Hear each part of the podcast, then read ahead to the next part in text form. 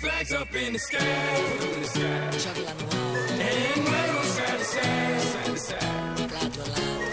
Ja tenim els altres dos equips que ens faltaven als quarts de final del Mundial, l'Argentina i Bèlgica. Anem al Brasil. Laia Tudel, bona tarda.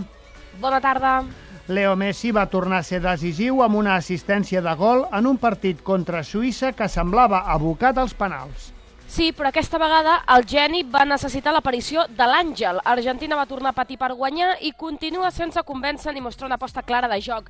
Messi va aparèixer, però ho va fer tard, als últims minuts de la pròrroga, amb una assistència de gol que Di Maria va rematar. Nerviosismo porque no podíamos hacer el gol y, y cualquier error nos puede dejar a- afuera del Mundial porque pasaban los minutos y nosotros no queríamos de los penales y queríamos intentarlo definirlo en el suplementario antes. En molts moments, la cara del seleccionador Sabela transmetia aquest patiment, i això és perquè es va veure abocat als penals, just el que volia evitar.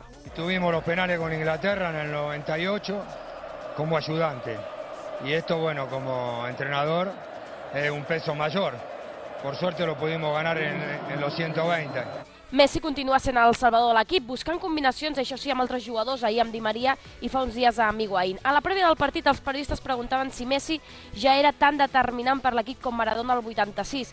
La comparació amb Maradona és el dia a dia a la concentració de l'Argentina i des d'avui podran comparar-los en un altre aspecte. Quin documental de la seva vida és millor?